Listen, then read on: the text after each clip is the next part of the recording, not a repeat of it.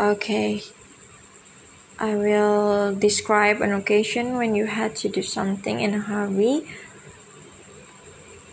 And usually examiner will give me um, one minute to write down the point to answer these questions. So let's get started now. Since I I get a job as sales administration that responsible to to input and print out the order from the from the customer. I had to I had to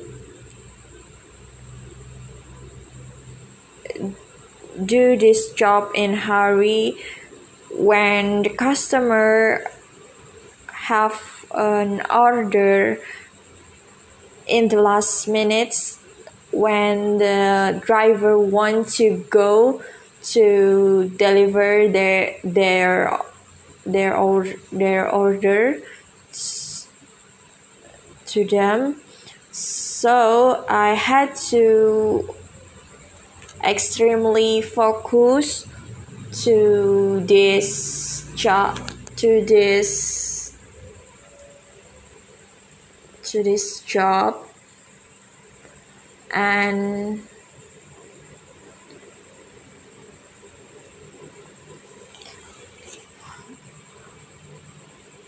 and minimize um, and minimize the the mistakes when I input this order because when I do an when I do a mistake when I input the price or the item the name of item it, it I have to start start it again. I have I have to start over from the beginning. So and it took it's pretty takes a time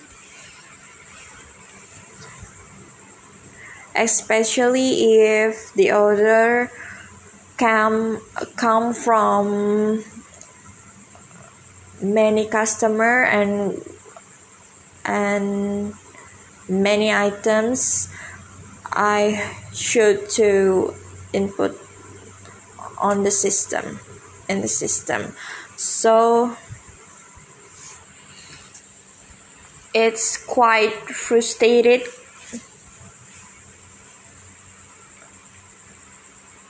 When I get a, an order in the same time and have to deliver at that time or at that day. So I will guarantee that you when you do something in hurry you will get an headache exhausted draining your mentality and physically mental mentally and physically draining so i try to overcome this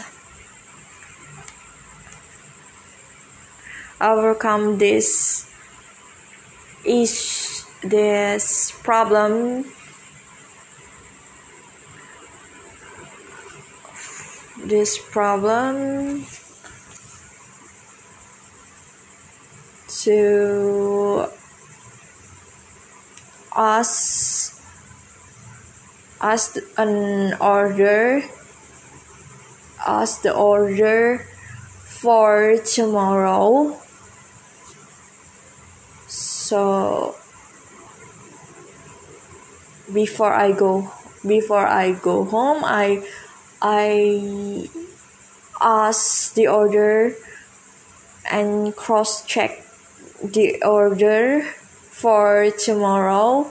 So I can input the order first and print out the order and the next morning I just print out the order without input without input the order